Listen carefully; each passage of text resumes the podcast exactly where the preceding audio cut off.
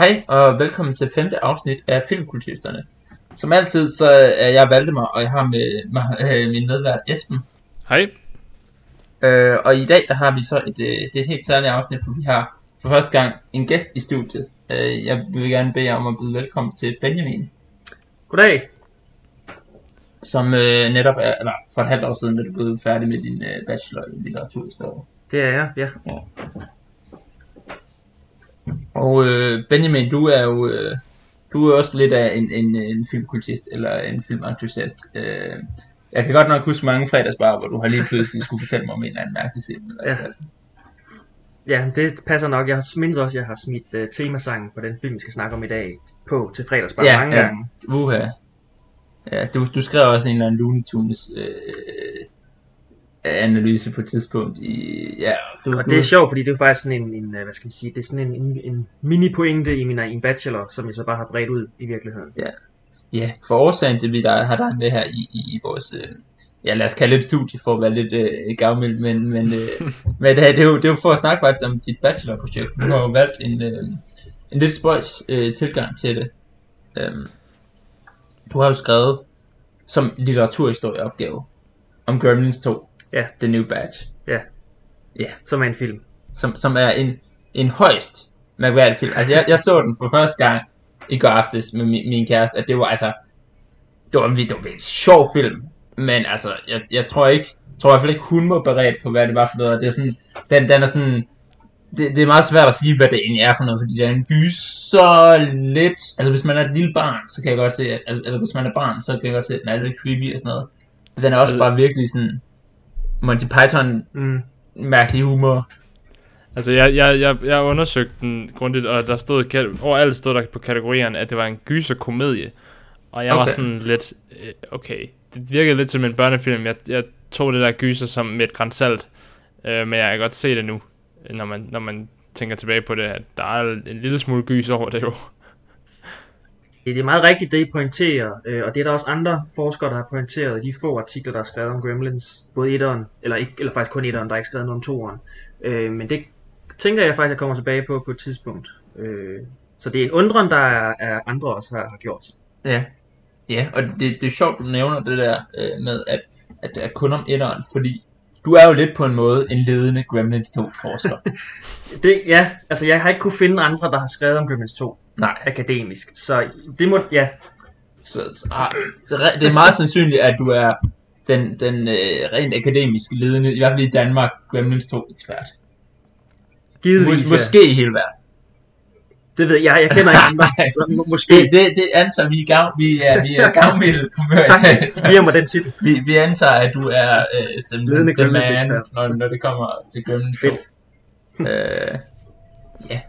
Øh, og jeg, jeg, jeg, jeg tænker, lad os øh, snakke lidt om den her film, før vi går i gang med øh, at fortælle lidt om projektet. Yes. Hvornår er den fra? Øh, hvad, hvad er det egentlig, den handler om? Lad os lige, bare lige for at vores lytter har sådan nogenlunde indtryk. Jamen, den er fra 1990, øh, og det er jo en efterfølger til den første Gremlins-film, der er fra øh, 1984. Øh, og Gremlins 2 handler om, at øh, hovedkaraktererne fra den første film, som hedder Bill øh, og Kate, de er flyttet ind til New York, og de arbejder nu i et stort multimediehøjhus, som er, det er både mange tv-kanaler og alle mulige andre øh, virksomheder, der arbejder der, og så samtidig er det et eller andet form for storcenter. Øh, det der så sker er, at øh, der er den her lille Mogwai, som er en lille nuttet væsen, øh, som også er med i etteren, og det der sker er med den Mogwai, hvis den bliver våd, så formerer den sig, og hvis de her Mogwais, de så spiser efter midnat, så forvandler de sig til de her Gremlins monstre. Øh, og det sker så selvfølgelig i den her film. Øh, og så går det hele bananas i det her store højhus, og de her menneskelige karakterer skal forsøge at forhindre det.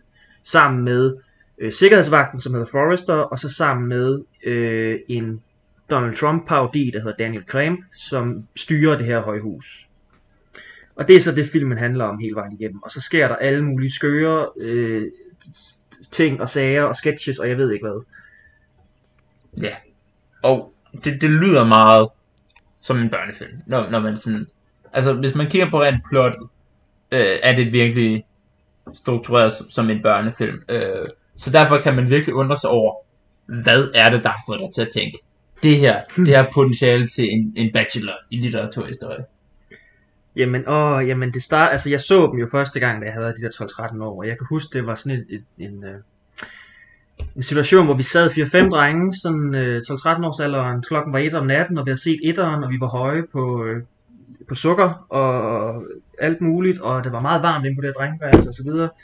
Øh, og så tænkte vi, vi skal fandme se toeren. Øh, og så så vi bare toeren, og vi synes den var hylde morsom, og så har jeg egentlig glemt den i nogle år. Og så fandt jeg den så igen. Jeg tænkte, det var sgu egentlig sjovt, så prøvede jeg så at se den igen. Øh, og den her gang havde jeg jo så et lidt mere akademisk syn på det. Øh, og så begyndte jeg bare at stille mig selv nogle spørgsmål om, fordi de her Gremlins karakterer, de er meget øh, begærlige, de er meget, øh, det er jo drifterne, de gør jo, altså de gør jo bare det, de vil, altså de, de nydelse hele vejen igennem, og jeg kunne ikke lade være med at tænke på, hvad, er, hvad siger den her film om begær? Hvad siger den her film om nydelse? Og også fordi filmen er sådan lidt meta Ja. Det hænger sammen med de her gremlins, og hvad betyder det så? Og hvad siger det så om filmen som begærsobjekt? Ja, så det var ikke, det var ikke bare et, et fuldt vedmål, der fik det. Nej, Øh, nej. Det var, jeg, var, jeg, jeg søgte simpelthen efter en mening med den her. Hvad fanden Mm. betyder? Hvad, hvad skal vi læse ud af det her? Mm. Der er nogen, der søger mening med livet, og du søger simpelthen mening med Gremlins 2. Det er... Ja. Det, det, Som givetvis er mening med livet. Men det kan vi Ah, ja. komme ind på. Selvfølgelig. ja. Øh, jeg tænker, er der, er der, er der andet, øh, du tror, lytteren har behov for at vide om filmen, for, før vi bevæger os ind i dit, øh, dit arbejde med den? Øh, hmm, ikke umiddelbart. Altså, jeg tror, jeg kommer ind på det. Det, der er nødvendigt Ja. at vide. Øh, det skal jeg nok komme ind på, tror jeg. Øh, måske kan man lige hurtigt snakke lidt om, om plotstrukturen. Øh, fordi det, der jo sker øh, halvvejs ind i filmen, det er jo, så, så snart de her gremlins, de ligesom slipper løs i den her bygning for real, så øhm, er det som om, at Gremlins-scenerne, de scener, hvor Gremlins er med i, det er egentlig bare er en række af sketches, øh, Ja. som står i opposition til de scener, hvor menneskerne er med i, som på en eller anden måde skaber en kausalitet i plottet, sørger for, at plottet drives fremad. Øh, så også de to scener modarbejder hinanden, og det Ja. har jeg en pointe i min analyse. Øhm, og så er der så det her med metabruddet midt i filmen, øh, som vi måske også lige skal vende. Det er der, hvor Hulk Hogan Ja, jeg skulle også til at Ja. sige.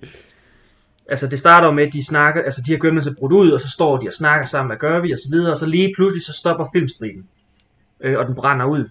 Øh, så dukker der skygger op på skærmen, på en hvid skærm, som er et lærred, og det er så de her gremlins, der er kravlet ind bag den film, vi ser, altså Gremlins 2, The New Batch. Og så klipper vi til, at vi ser en biograf, med et biografpublikum, der ser filmen, som vi også ser. Og så er det så der, hvor Hulk Hogan kommer, og så sætter ja. den på plads og siger, nu skal vi tilbage til filmen. Øh, det er ret vigtigt også at vide. Nå, har, du, øh, har du noget til for Esben? Overhovedet ikke. Noget, Jeg spørge om? synes, det var smukt forklaret. Og øh, ja, det var bare perfekt. Ja, jeg, jeg tænker, om vi ikke bare skal øh, give, dig, øh, give dig ordet, Benjamin. Jo, tak For alvor, den her gang helt for officielt. alvor, helt officielt. Yes. ja. Ja. Jamen altså det jeg har skrevet, det er jo en bacheloropgave, og den er 23 sider, og hvis man sådan skal forklare den i bund, det bliver lidt svært i sådan et format her, Ja. ja. øh, til sådan et publikum.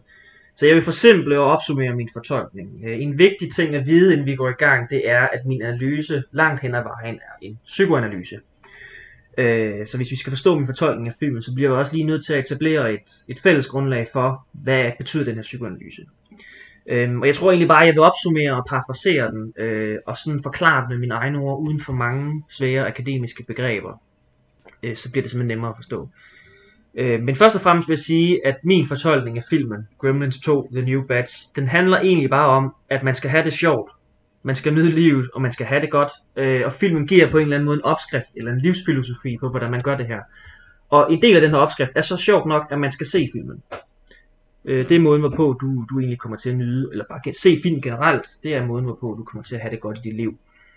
Men hvad betyder det så, det her med, at man skal have det godt? Hvad mener jeg med det? Øh, og hvis vi kigger på det i en psykoanalytisk kontekst, så er mennesker jo nydelsesvæsener. Vi vil gerne, gerne helst have opfyldt vores drifter, vores behov, vores begær. Vi vil gerne være tilfredsstillet og nyde tilværelsen. Men vi lever jo i et samfund, hvor autoriteter, regler, love, forventninger, sociale normer, de fungerer øh, i klassisk freudiansk forstand som et overjeg, for at holde de her drifter i skak. Øh, og det er jo nødvendigt, hvis vi skal have en verden og et samfund, øh, som ikke er kaotisk, øh, et kaotisk anarki, hvis alle bare fulgte deres drifter. Øh, alle mennesker har sådan set de her basale behov, altså mad, sex, søvn osv., for at arten kan overleve. Øh, og de kan meget nemt og konkret opfyldes. Men vi har også andre altså når vi har opfyldt de her basale behov, så har vi også andre større, mere abstrakte behov, eller en større drifter, som er en søgen efter noget mere, en dybere mening, eller en generelt større tilfredsstillelse, som vi konstant går og higer efter. Øh, vi kunne kalde det lykke nu og her, så at vi går hele tiden og vi gerne vil have et lykkeligt liv, og det stræber vi konstant efter den her idé, og om at bevare den. Øh, men hvad er det så, den her lykke den er? Hvordan, hvad betyder det? Hvad er lykken, som vi stræber efter? Og det kan man godt forklare psykoanalytisk, vil jeg mene. Lykken er den her paradisiske tilstand af liv, som vi føler, når vi er inde i mors mave.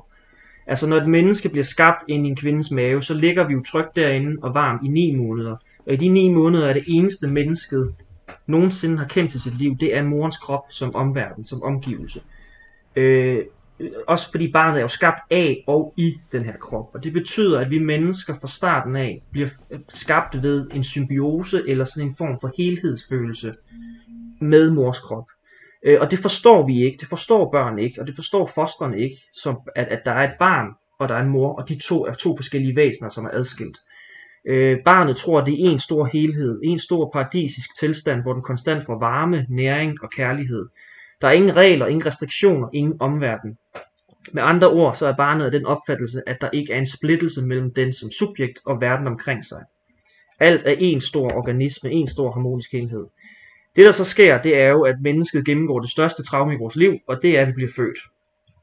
Øh, for så bliver vi jo splittet fra det her paradis ind i mors mave. Og de første op, altså mellem 6 til 18 måneders alderen, indtil da, så tror barnet stadig, at det lever i sådan en paradisisk, helheds, holistisk verden med omverdenen. Men på et tidspunkt så bliver barnet selvbevidst. Det vil sige, at barnet erfarer, at den ikke længere hænger symbiotisk sammen med dens omverden. Den er splittet fra den, og det er det, som øh, en psykologiker, psykoanalytiker, som jeg bruger, som hedder Jacques Lacan, han kalder spejlstadiet.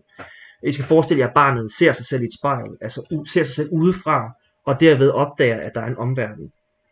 For at håndtere det her traume, så skaber mennesker og vi og børn, de skaber illusioner eller fantasier eller spejlinger om, at vi er en hel organisme igen, at vi hænger forbundet med vores omverden. De her erstatninger eller illusioner, de kan være mange ting. Det kan være et job, det kan være en kæreste, det kan være for børn, at blive del af et fællesskab, eller en eller anden måde finde, at, finde ud af at definere sin egen identitet på. Øh, altså finde spejlinger af sig selv i, i omverdenen. Øh, helt simpelt af metaforen.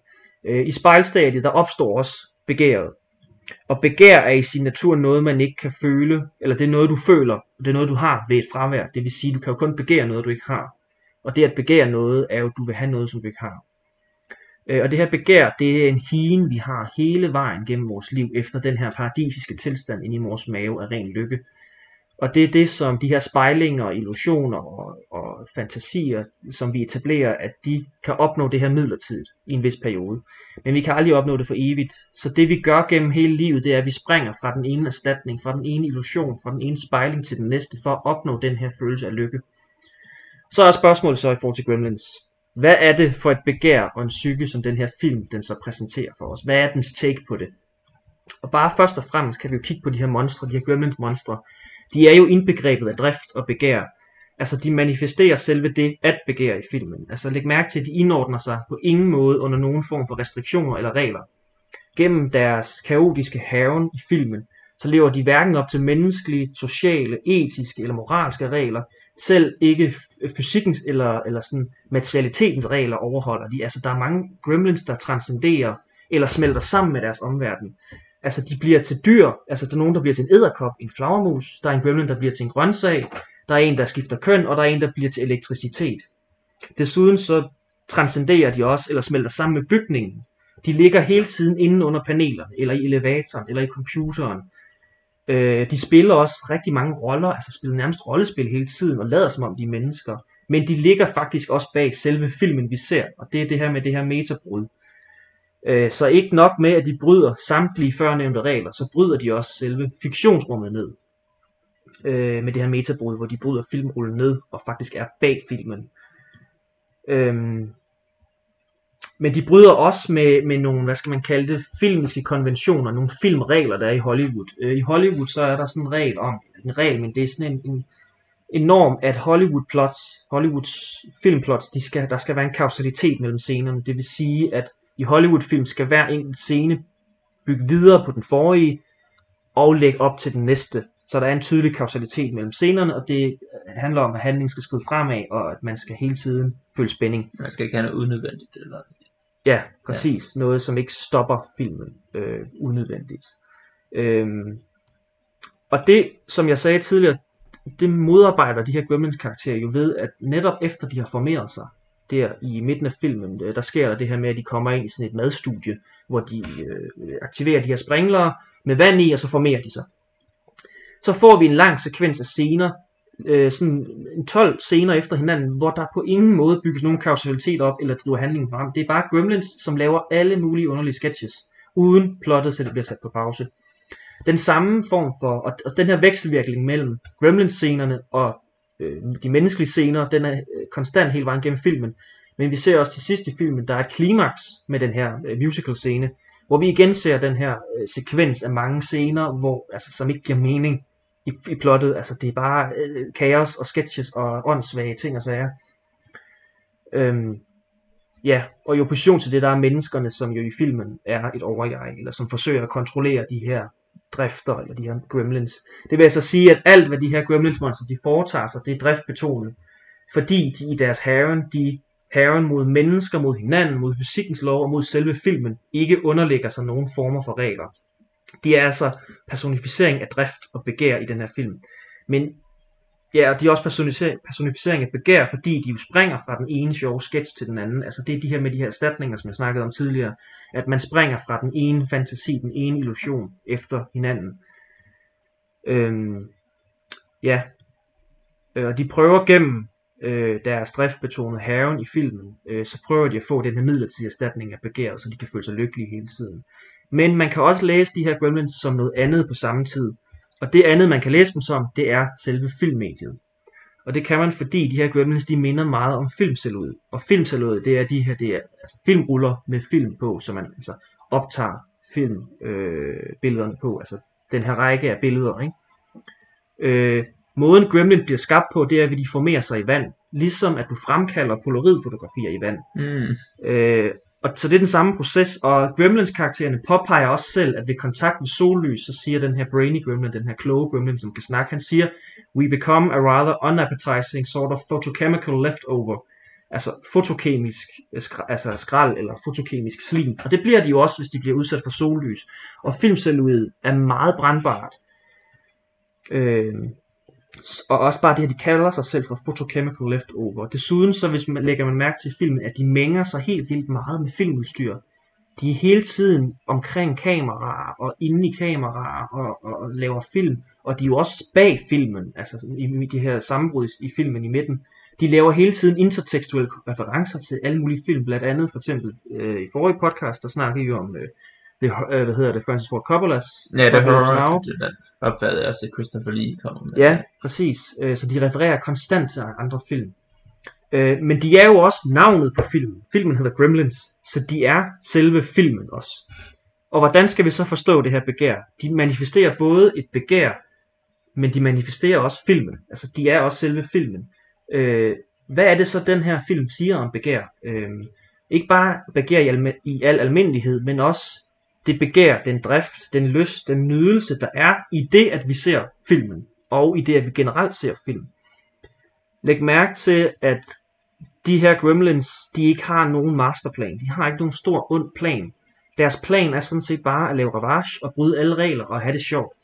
Og, og det er det, hvis man lægger mærke til, at hver gang de bliver forhindret i at lave en sketch øh, i en af deres eskapader, så griner de, og så skynder de sig videre til den næste sjove scene om, om der er en af de her gremlins, der får hældt syre i hovedet af en anden gremlin, eller bliver skudt på, øh, så griner de bare og laver jokes med det. Altså jeg tænker på den her scene for eksempel, hvor der er en gremlin, der får hældt syre i hovedet, hvor den skriger, og så tager den en Phantom of the Opera maske op, ja. og så griner de bare af det. Øh, og også, hvis man ser i klimaks til filmen, selve musicalen, nummer til sidst, inden de tager ud i New Yorks natteliv, som måske godt kan virke som en form for plan, men når de bliver forhindret i den, så laver de også jokes og grin med det altså mens de smelter, så er der en af, af de her gremlins, der laver en reference til Wizard of Oz, og siger, oh, I'm melting, I'm melting. Så er der en gremlin, der smelter, og man kan lige se konturen af et ansigt, men den her gremlin bliver ved med at ryge på sin cigar. Og den her kloge gremlin, der synger musical-nummeret, han fortsætter med at synge, selvom han er ved at smelte. Så han er indifferent over for det, altså han er ligeglad med det. Og den her mangel på en plan, på et motiv eller et mål for deres begær, og alt hvad de foretager sig, det viser jo i virkeligheden, at det de gerne bare vil have, det er, at de bare gerne vil have de her konstante erstatninger.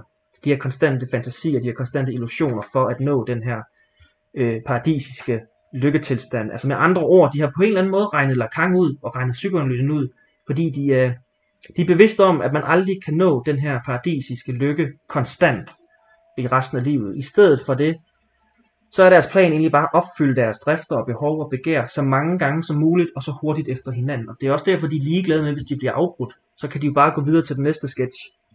Øhm, og i og med, at Gremlins karaktererne kan læses som selve filmmediet og selve filmen også, så virker det til, at filmen faktisk også foreslår, at, det netop, at den netop kan være sådan en erstatning eller spejling eller midlertidig opnåelse af begær for os som seere. Læg mærke til den aller sidste scene i filmen, det er ham her, sikkerhedsvagten Forrester, som nok er den karakter, der manifesterer øh, det største overjeg. Han gifter sig med den, den her kvindelige gremlin, og han virker til til sidst, øh, hvis man kigger på hans mimik og skuespil, at være sådan, nå ja, hvorfor ikke? Øh, så det sidste vi ser i filmen, det er, at der er en kvindelig gremlin til brudemusik går op og kysser kameraet. Så på den måde, så bliver vi jo også opfordret til at gifte os med den her film, og gifte os med den her måde at se film på. Så for at opsummere, så handler den her film om, at vi skal begære på den her måde med konstante her erstatninger, og det skal vi gøre ved at se filmen, og vi skal gøre det ved at se mange andre film også, og på den måde opnår vi det tætteste, vi kan komme på af den her konstante lykke. Øh, og, men det skal vi gøre ved konstant at se film og forbruge film og tv. Og det, ja, det er sådan min analyse. Det er på en eller anden måde, så er det en meget pervers film i virkeligheden. Ja, det, det, det, tak for det. Det var... Uh, nu har du også været i gang i... Den, den, den var god. Eller... Det tog et kvarter, gjorde det ikke det? Ja, jamen, det var, det var, du, det var, du, du havde snakket om, du var bange for, at du ikke kunne, øh, men det var Ja. ret godt komprimeret. Jeg har også gået lidt fra, men, Ja. Jeg synes også især, at du nævnte det der med, en ting, jeg, jeg, jeg kom i tanke om, du nævnte det der med den der, der kaster syre i hovedet, og det der med at bryde regler, det er jo den eneste regel, der er i film på den der Ja. syre, han samler op. Det står, do not throw in face, Ja. og så kaster han den i hovedet på en anden. Ja. Det, det synes jeg er ret øh, Ja. sjovt. Jamen, det er jo det hele, det handler om bare, at de skal, de skal have det sjovt at bryde regler. Ja, Øh, ja. og det er lige meget, hvad det er. De skal bare bryde dem, og så kan de gå videre til den næste regel og bryde. Øh, og, altså, der er ingen restriktioner, det hele det flyder. Ja, Den virker, den virker også meget selvironisk film. Øh, Ja. Det er faktisk igennem det hele. ja der er også der var en dårlig anmeldelse af Gremlins 1 i filmen. Ja, Ja, og, altså. og den gør jo også, der er jo flere steder, hvor den gør grin med etteren. Altså, der er på et tidspunkt, I har set etteren. Ja, også. ja. Der er på et tidspunkt, hvor, øh, hvad hedder det, hovedkarakteren Bills kæreste Kate, hun, øh, hun, hun går i gang med øh, at snakke om the 4th of July, altså Independence Day. Øh, og hun går i gang med at gå i gang med sådan en lang fortælling om, at åh, men, hun har oplevet noget forfærdeligt på den her dag, og det er jo en reference til den første film, hvor hun også går i gang med sådan en lang fortælling om juleaften, som går helt ud. Ja, altså, Ja, det er noget der med- hvor hende- hendes far har været julemand. Ja, og- og fast og har været død i jule. Og, og, og der kan man se, at, at Bill, altså kæresten, han bare siger, ja, prøv skat, jeg har ikke tid til det her. Ja, Så ja. det er også en måde sådan at tage pis på, på den første film på. Ja. Må, må jeg lige spørge nu her, nu har vi øh, øh, bare, bare lige hurtigt, og så kommer vi tilbage til, til dine opgaver, men hvad er din yndlingsgremlin i filmen? har, Ja, men har det må jo være Brainy Gremlin. Ja.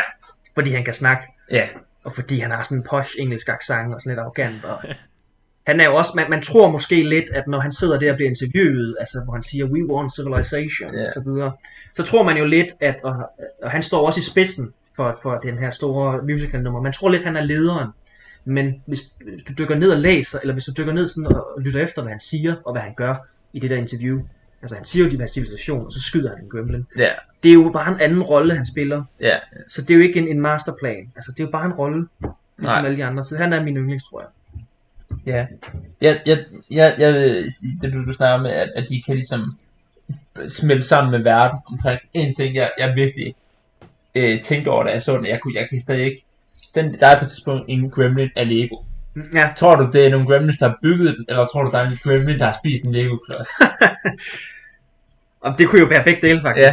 Det kunne jo faktisk være begge dele. Jeg, jamen, jeg kan godt lide ideen om, at de har bygget. Ja. Fordi altså, så handler, altså, og det er jo også igen, hvis de kigger på, hvad de gør, de er jo ikke kun onde, jo, de gør nogle forkastelige ting, de slår nogle mennesker ihjel, og de, men det er jo ikke kun menneskerne, de slår ihjel, og, og Nej, nej. De gør, det er også hinanden, og, og Ja, de bygger også med Lego. Altså, de har det Ja. også bare sjovt, og de drikker sig fulde, og de spiser mad, og de ryger cigarer, og de klæder sig ud. Altså, det er jo en stor fest. Så det, Det, det er jo heller ikke de uhyre på den måde, man ikke kan være i det samme rum som dem, uden at blive slået ihjel. Ja. Øh, Det er jo ikke sådan, man skal... Altså, hvis, hvis der er en, der beslutter sig for, nu vil jeg gerne slå dig ned eller skyde dig, jo, øh, så, så skal man... Men ellers er det ikke, fordi de flygter fra Gremlins gennem hele filmen, som hvis det var en anden horrorfilm. Ja, at det er også øh, det her, nu snakker I det her med børn, altså øh, der var jo meget snak om, at, at det her er en børnefilm og hvordan og så videre, og Joe Dante, instruktøren, han, øh, jeg ved ikke om I lagde mærke til, men, men der, når, i filmens midte, der hvor der er meta sammen Ja. ud, der kommer der en kvinde ud med sin datter, Ja. øh, og siger, hvad er det her for en film, og det er, den er værre end etteren og så videre. Ja. Og, øh, det, det er faktisk øh, en, lidt en reference til noget, der er sket i virkeligheden. Øh, men hvis I lægger mærke til, så siger datteren, altså hun siger noget, nej mor, jeg vil bare gerne se de her Gremlins.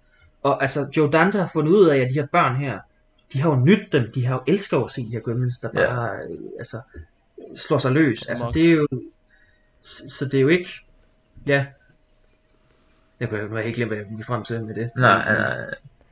nej. Nej, men der, altså, der er jo noget, ren nydelse Ja. i, i, at de er jo, de er jo vanvittigt sjove. Ja, det er det, og de er jo ikke, jeg tror ikke nødvendigvis børnene som sådan er, er uhyg, eller nødvendigvis er bange for dem, det kommer an på, hvor gamle de er, Ja. og hvilke Gremlins det er måske, men Jeg tror måske lige, Det lyder Æderkop, ja, Kunne godt- den er godt nok, nogle- den, øh, den, den, den, her, den laver da ikke så meget sjov, den vil bare gerne stå Ja. ja. der i. Ja. Øh, Eller makulator-scenen med den der gremlin, der bliver proppet ned i en makulator og bliver til grøn snask. den er også lidt, lidt, lidt barbarisk, hvis jeg skal, Ja. yeah. hvis jeg skal være helt ærlig. Øhm, Ja. Du nævnte du det der med, med hende, den lille pige, der kom ud og siger, at hun bare gerne vil se Gremlin. Jeg tænker lidt tilbage på det interview, som øh, Tarantino engang lavede med, at han sagde, at jamen, han synes, at alle unge piger, de skulle til sig Kill Bill. Fordi at det var en, en, en altså det var ligegyldigt, om det var vold eller ej, for det var bare børn. De ville jo bare gerne se en, en, en sej kvindelig figur. Børn tager jo ikke nødvendigvis skade af, at det er noget, altså det er bare sjov ballade. ja. Nej, det er rigtigt, og altså, når man snakker om det her med, øh, med computerspil, og om det, at det er en, en katalysator, eller det er en faktor, der gør, at man laver de her skoleskyderier, og generelt det her med, hvordan påvirker film og vold i film på børn, altså, det, altså det, det er jo sådan blevet videnskabeligt modbevist, øh, alle de her skoleskyderier og så videre, der er jo nogle andre processer, der ligger til før, og så kan det godt være, at, at skydespillet har inspireret, men det er jo ikke det, der gør det. Og fra børn er omkring 7-8 år gamle, så kan de begynde at kende forskel på, på fiktionsuniverser og virkelighed. Det er også derfor, at når børn er 7-8 år, så det er der, de stopper med at tro på julemanden. Mm. Mm-hmm. Det, er ikke, det er ikke, når faren han, han, han bare halsen, mens han kravler ned gennem skorstenen. Det er det måske i det her tilfælde, Det er, i det, den er, første med det synes jeg er det mest grofulde den. Det er, hun slutter sin fortælling med at sige, og det var sådan, jeg fandt ud af, at julemanden ikke fandtes. ja. Puh, Ja. Må jeg lige høre, gav det mening, alt det jeg har sagt med altså min analyse her? Kunne man følge den? Eller noget, der jeg, skal jeg, jeg, uddybes jeg, synes, eller det var, jeg synes, det var godt opbygget, men du starter med, med det teoretiske, med, Ja. Ja. med fosteret og alt det der. Så hvad er det, du kommer med nogle konkrete eksempler. Øhm,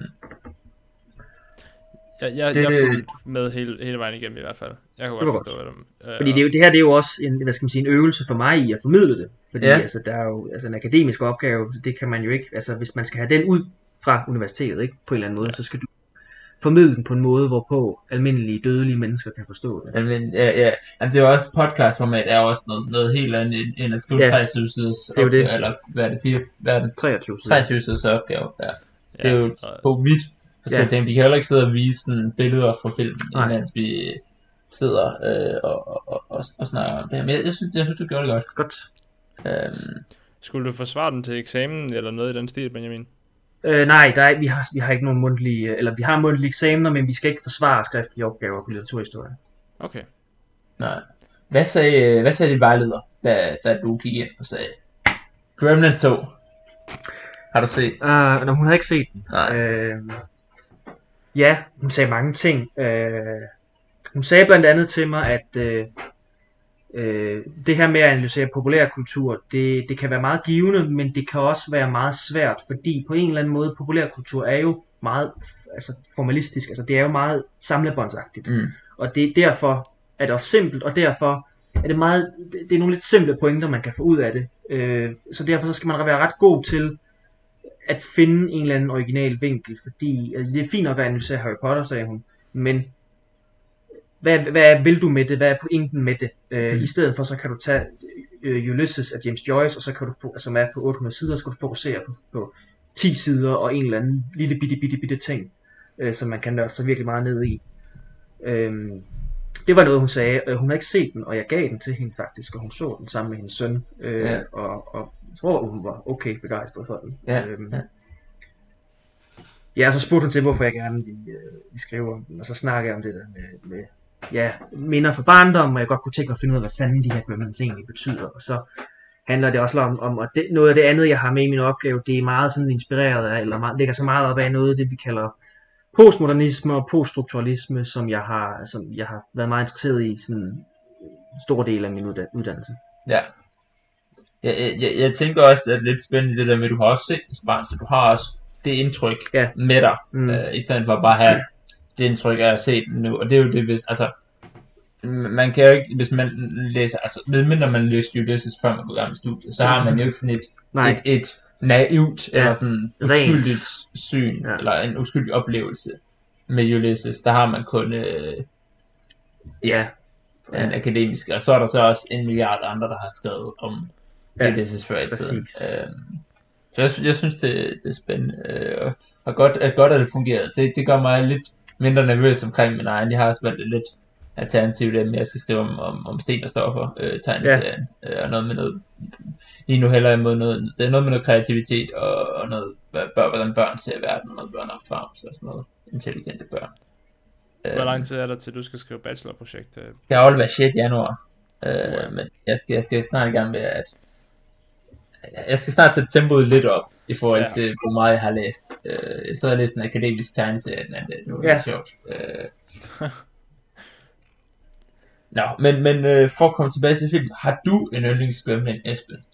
Ja, det har jeg faktisk. Øhm, jeg, jeg, jeg har tænkt over det, mens jeg sad og så filmen, at jeg var da godt nok...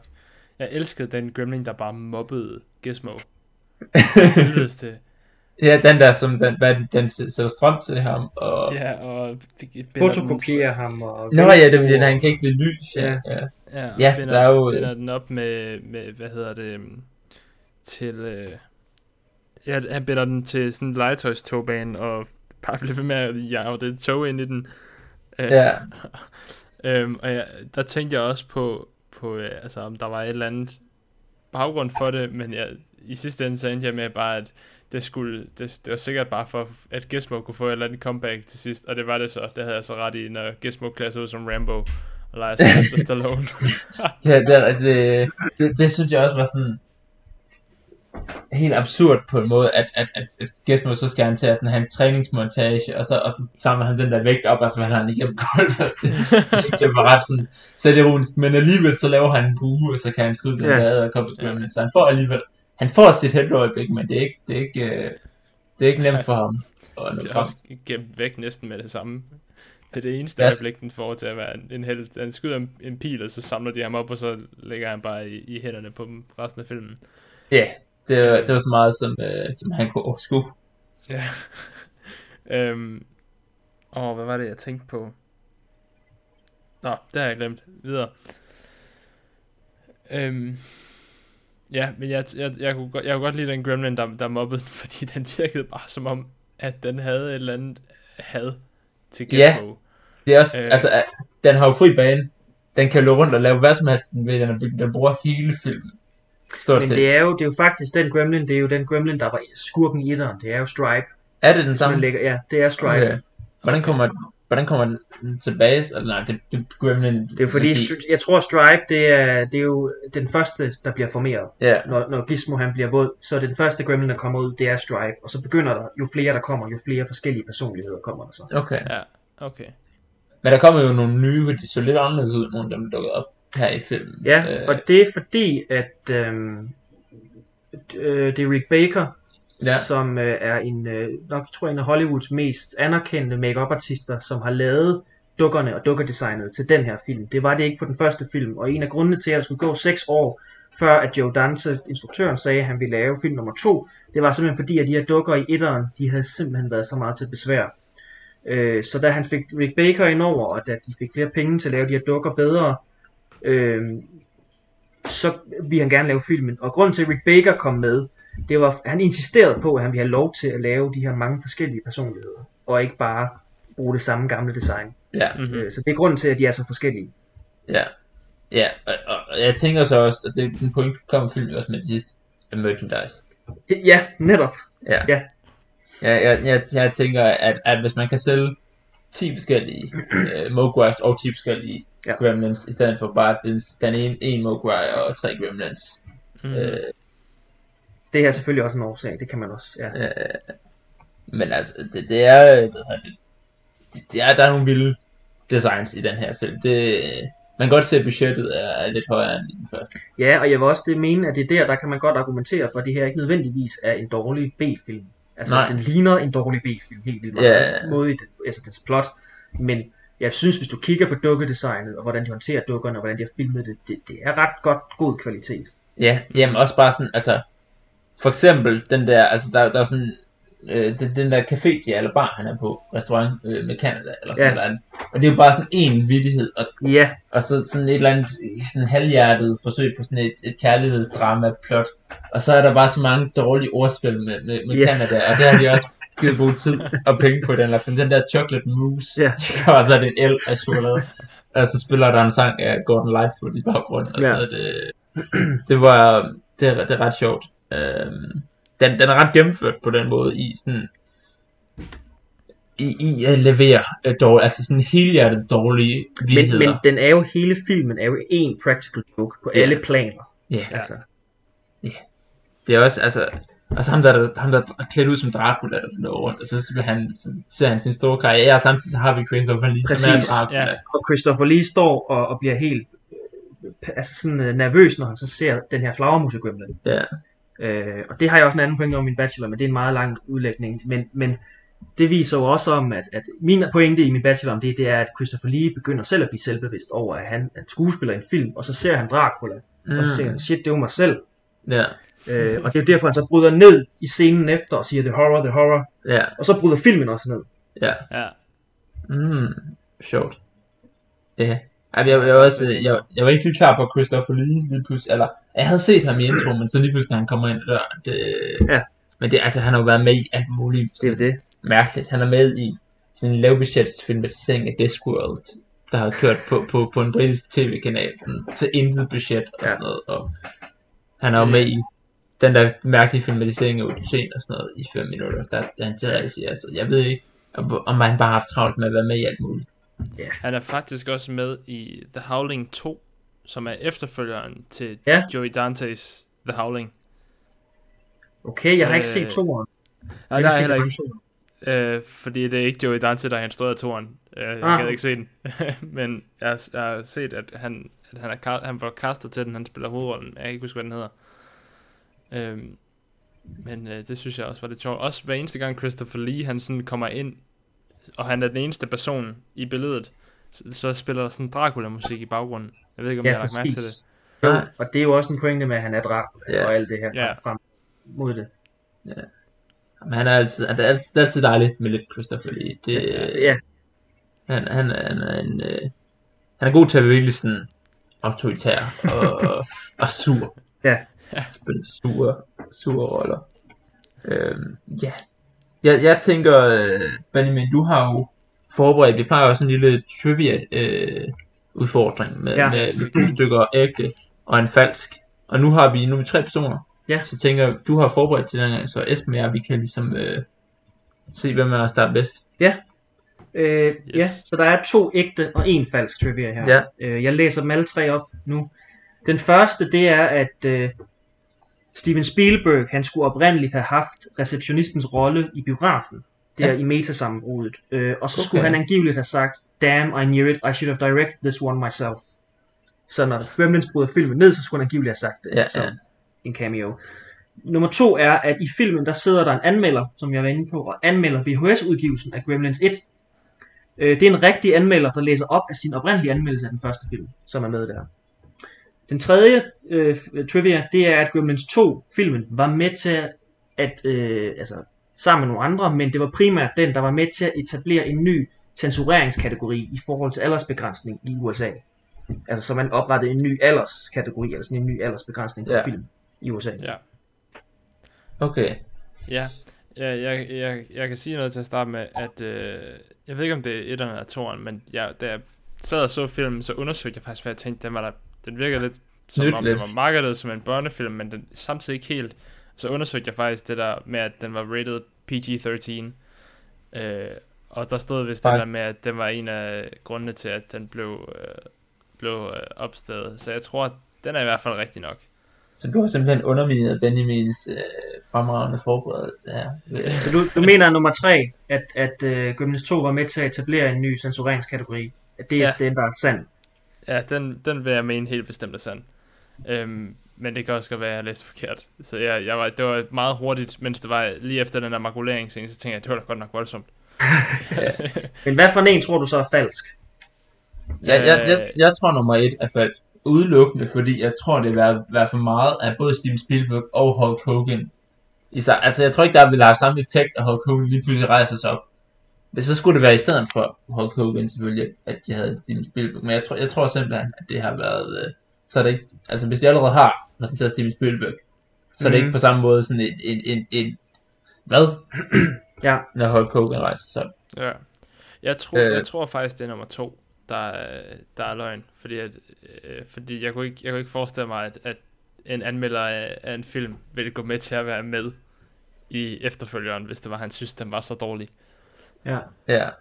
Øh, jamen, jeg kan jo informere om, at der er ikke nogen af jer, der har ret.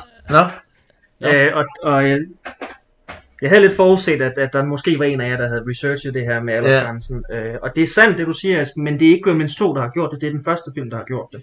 Ja, jeg tænkte det nok. Øh, og det er i forlængelse af tre, andre, det er tre film i 80'erne, der, gør- der gør, at man laver det her. Den første, det er Poltergeist fra to- 82. Så er det Indiana Jones and the Temple of Doom fra 84. Og så Gremlins fra 84 også, der medfører, at man får den her PG-13 aldersgrænse. Men de to andre, de er så rigtige. Der står i manuskriptet øh, til Gremlins-filmen, at Spielberg skulle have haft receptionistens rolle, og skulle okay. Have sagt det her.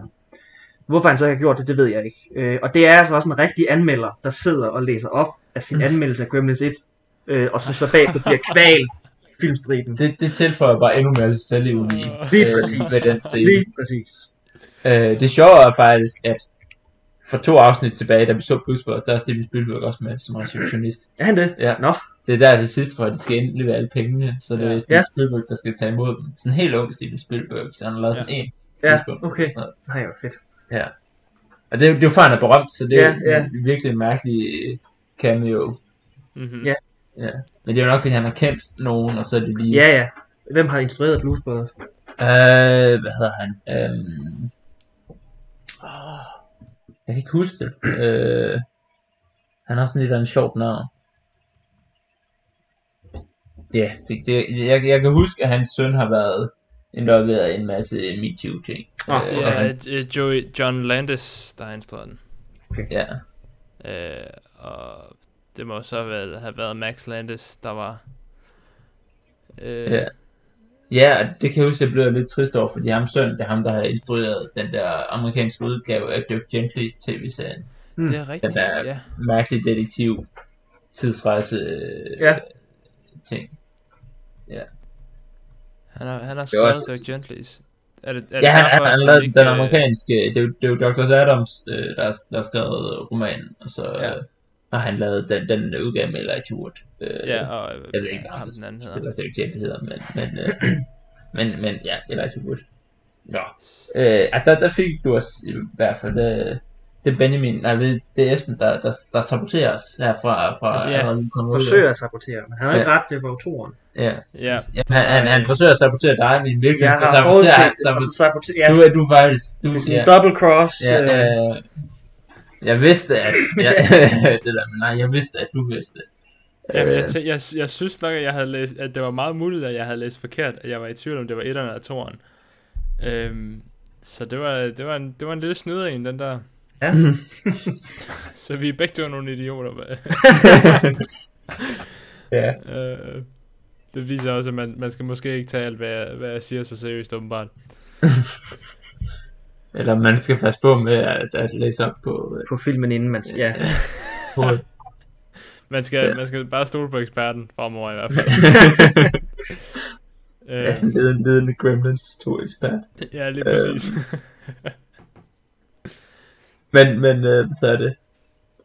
Vi, vi, vi, vi kommer lige kort til at snakke om, jeg ved ikke, om der har været planer om at, om at lave en 3 eller sådan noget, for jeg synes, jeg så noget med, at der måske var et reboot, eller... Der er planer om, og det har, jeg tror, det kommer i flere omgange, man snakkede om det, men den seneste, jeg har hørt, det er, at der er en plan om det. Øh, men desværre så lyder, altså, som jeg hører det, så lyder det som om, at de har tænkt sig at gå væk fra de her dukker og lave det til computergenererede effekter, og så har der også planen også været, at det skulle være en gyser, Okay. så ikke en komedie. Ja. Ja. Så mister man lidt af den charme, jeg egentlig godt kunne lide ved de her to film. Ja. Øh, mm-hmm. Jamen, det er jo virkelig en, en film af sin tid også, kan man også ja. Og synes også, jeg. Jeg tror egentlig, Joe Dante sådan har fået, relativt, i hvert fald i to år har han fået frit spil, virkelig. Altså, Ja. der er ikke, der har, det er tydeligt, der er ikke nogen, der har været inde over. Nej, altså, nej, altså nej. også det, at han kan lave en metakommentar om merchandising på det Ja. tidspunkt, det har han også sagt senere, at det var de meget imod de her producenter, fordi man vil helst ikke have, at folk skulle vide, at, at film i virkeligheden bare handler om, i hvert fald i Hollywood, at du skal skabe nogle produkter og nogle merchandise.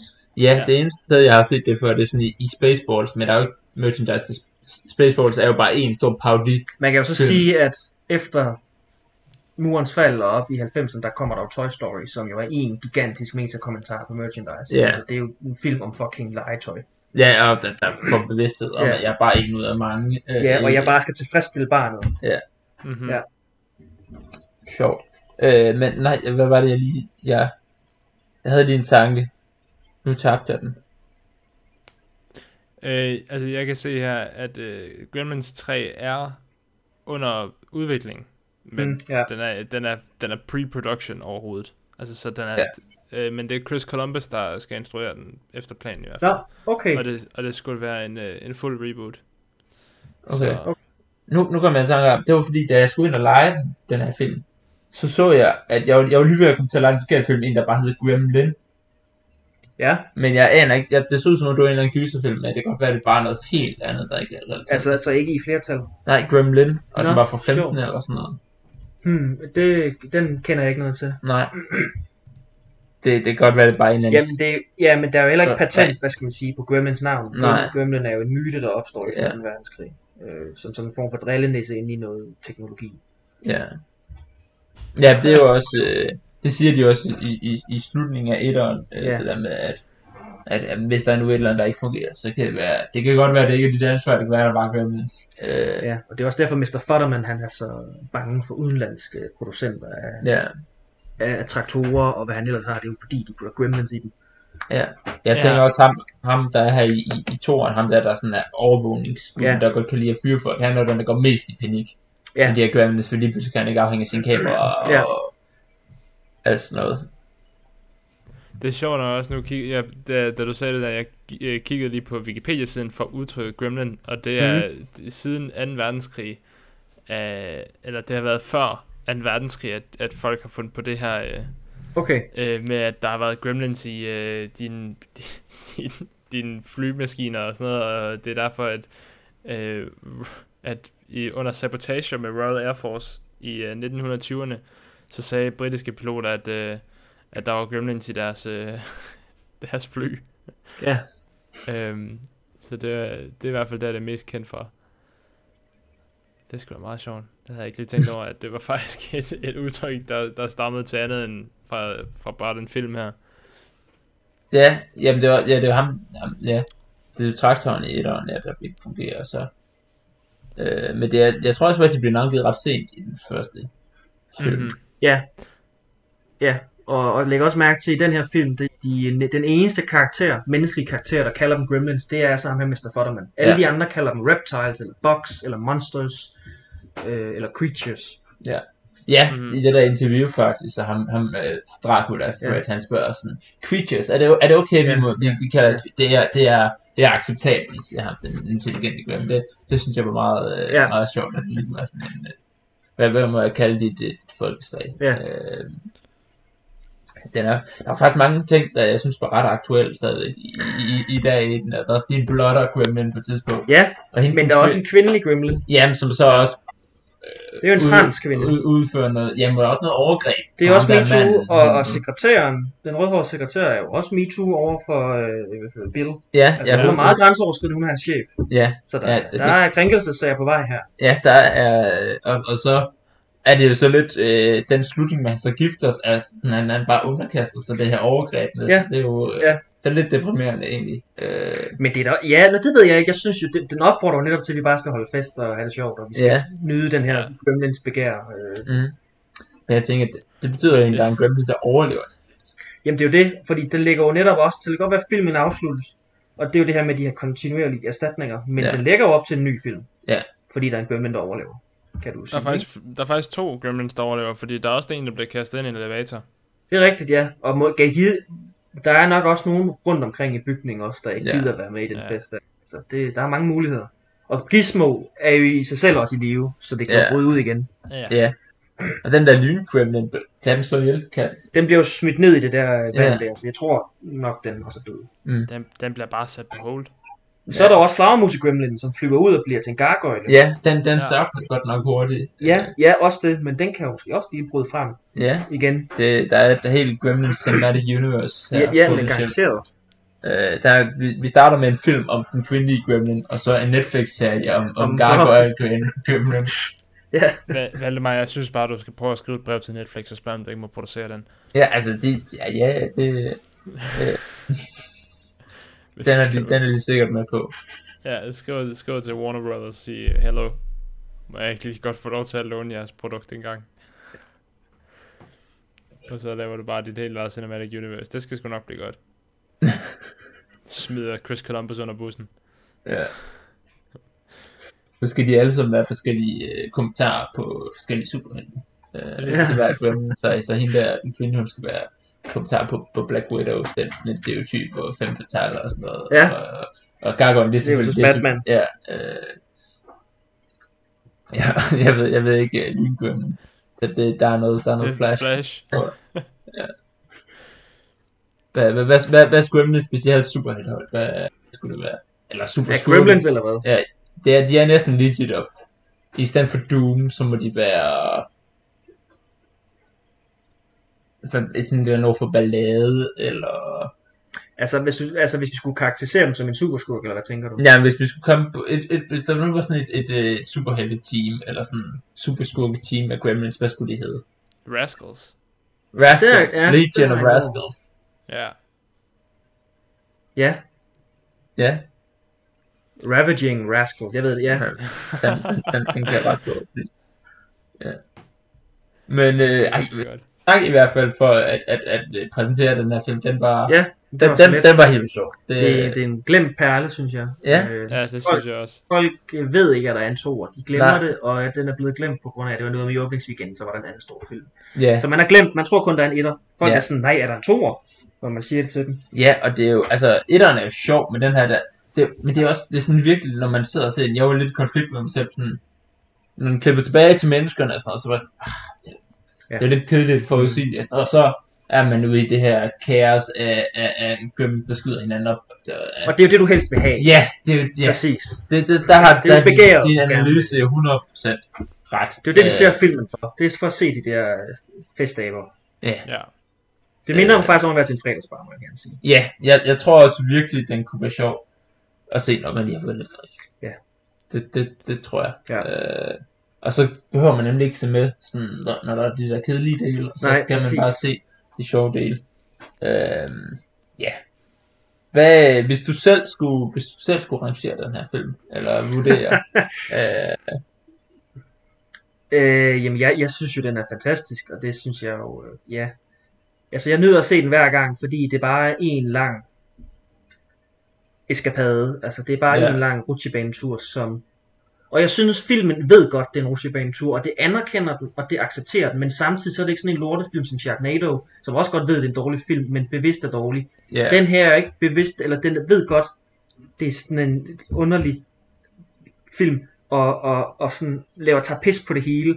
Men jeg synes alligevel, den, den gør det med en seriøsitet, eller den gør det med en klar på en eller Ja, der, der, er, der er ligesom, øh, for eksempel hvis sådan noget Sharknado og sådan noget, hvor så de tænker, at vi sælger os selv på at sådan, så dårligt, at det er en sjov film. Men den der, den har alligevel noget, øh, man kan mærke, at der er virkelig blevet lagt energi i, Præcis, og, man kan og, mærke, og at tid, ja. og, og, og, ikke, man kan mærke, at de har haft det sjovt, mens man laver det, men man kan også mærke, at de virkelig er sådan sagt, okay, nu, nu skal vi være så kreative som overhovedet muligt. Øh, Det er jo også noget med på filmsættet, når de har optaget mange af de her sindssyge scener, så er det noget med, at der har været enten en opsatstavle sådan en postkasse, hvor alle på holdet, på crewet, kunne have skrevet en idé til en eller anden åndssvær scene på lagt ned i den postkasse. Ja. Og så har de bare taget dem og filmet dem. Ja. Mange af dem. det, der, der er faktisk en, en sketch, øh, Jeg har set En- med Jordan en Peele. ja, og. Kieran Peele sketch, hvor det Som også bare er. Og så, sker, så sidder de omkring bord, og så skal Ja. alle bare designe Gremlin. Øh, og, og ham, ham, der leder der møde, han er bare sådan, "Ah, vi skal bare, vi skal bare lave en tor. Det skal bare være en typisk Hollywood-tor.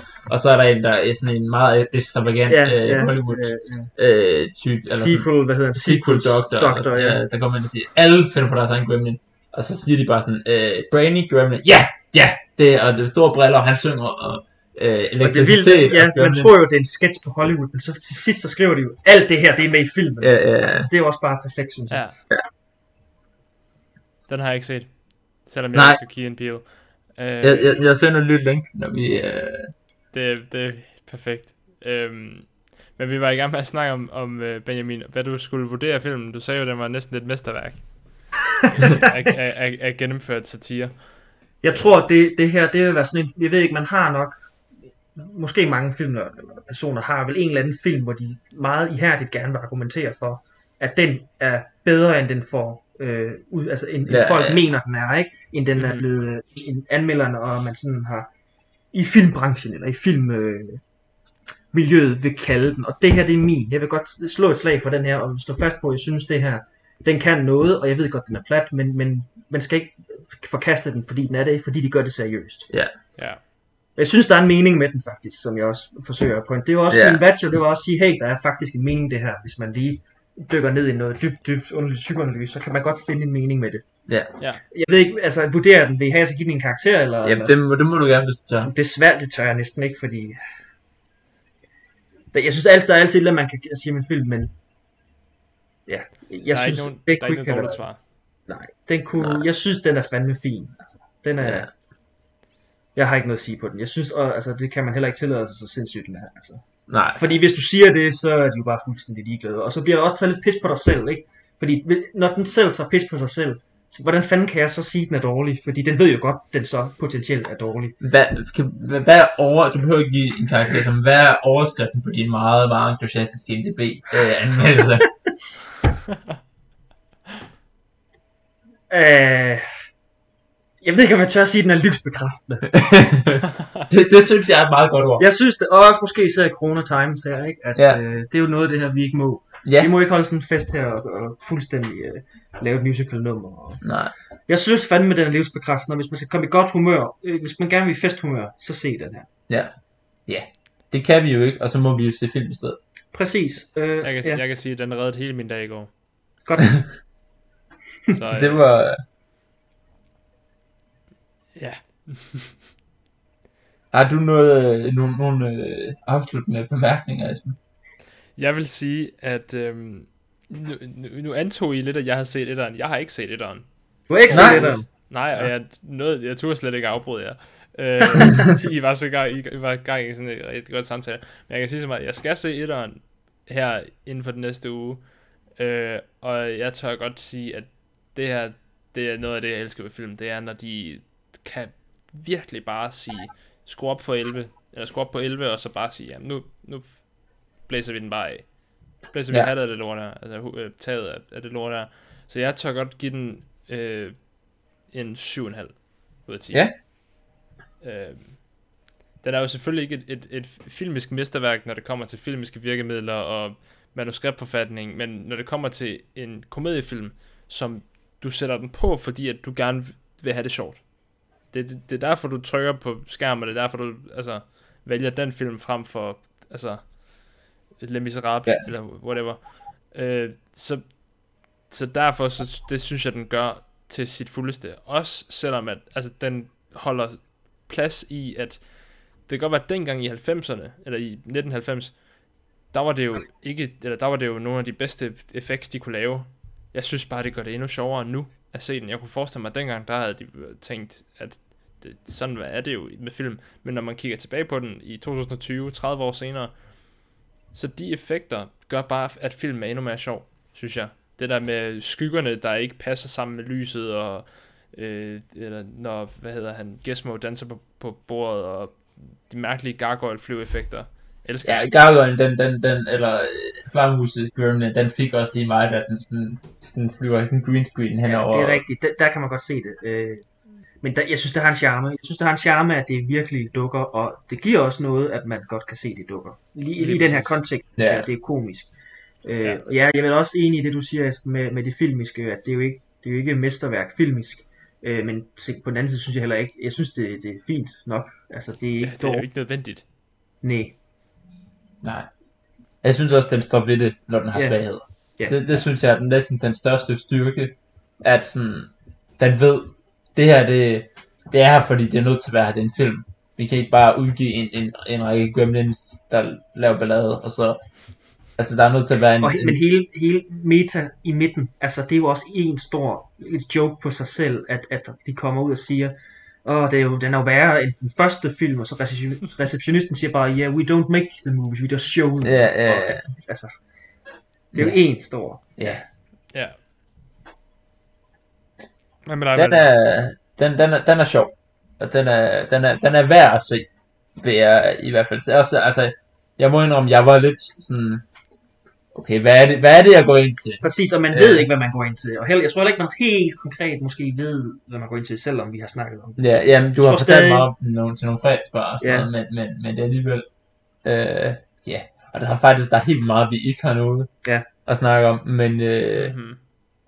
Åh, oh, lige det sidste. Vi, vi, vi, vi lige en troldspejl, der var en troldspejl reference til at starte. Yeah. Det er selvfølgelig til titlen vi til troldspejlet kom fra, og den er jo i mange udgaver. Jeg tror også, jeg tror også Grimsene selv synger, Gremlinsene synger, synger den selv på et tidspunkt, synger sådan, na, na, na, na. Ja. Øh, ja. Øh, den har de haft Jeg gik og fløjtede herfra. den hele aften i går også. Ja, Ja. den er... Ja. Det er barndom for mig også. Altså, jeg, jeg, var, jeg var hype, da jeg hørte. Da jeg, jeg, første gang, man hører sådan en lille snippet af det, og man er sådan lidt i tvivl. Åh, nej, det kan være, at det bare var en sang, der minder om... Men så kommer hele stykket, hvor du bare sådan, okay, det er troldspejlet. Så øh, ja, jeg, jeg, jeg tænker, vi er ved at være noget øh, afslutning på det afsnit. Det har været en, øh, en fornøjelse at have dig med. Ja, tak, og det har været en fornøjelse at være med. Ja. Ja. Øhm, Øh. Tak for den her gang øh, til de kære lyttere. Øh, vi ved ikke, hvad vi skal næste gang endnu, tror jeg. Øh, det, er- det er dig, der skal finde på en film næste gang, øh, Valdemar, er det ikke? Jo, det kan godt være. Jo, fordi det her, det var sådan en sær Det er jo afsnit. et, øh, et sidespor. Øh, ja, jeg, jeg må lige tænke over det. Øh, og så i værste fald, så ser jeg om Benjamin har fået det. har et ret godt forslag. øh, du skal i hvert fald være velkommen, hvis, hvis du lige finder en eller anden sportsfilm. Øh, du laver en, en mærkelig analyse over det. Ja. Eller når du skal skrive din kandidat, så kan det også godt være, at ja, ja, det kan være, vi er trækker på dig, der hvis det også bliver en film. Hvis det bliver en film, ja. Det ved jeg ikke helt endnu. Nej, det er jo trods alt litteraturhistorie. Ja, det er rigtigt, men vi man går kan jo gøre, hvad man vil. Altså, Ja. det er jo meget frit. Ja. Ja. Det har i hvert fald været en fornøjelse. Og så til sidst, så vil jeg sige, at vi, vi kan anbefale at gå hjem og se Gremlins, at øh, lytte til Troldspejlet til melodi, og så slutte af med den der Key and Peele sketch, øh, hvor Ja. ja. at, ja, den sender jeg også lidt til dig, Esben. Og så, øh, ja, tak for den her gang. tak for den her gang.